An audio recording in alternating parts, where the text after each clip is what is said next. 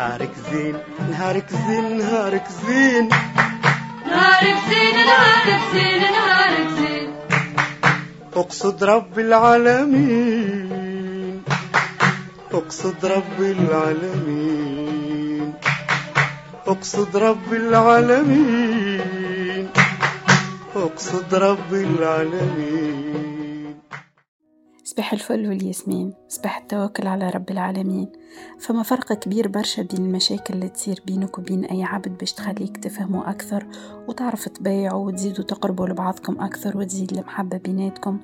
وبين المشاكل اللي لازم بعدها تعمل ستوب وترجع تعود تقرأ حساباتك من الأول وجديد.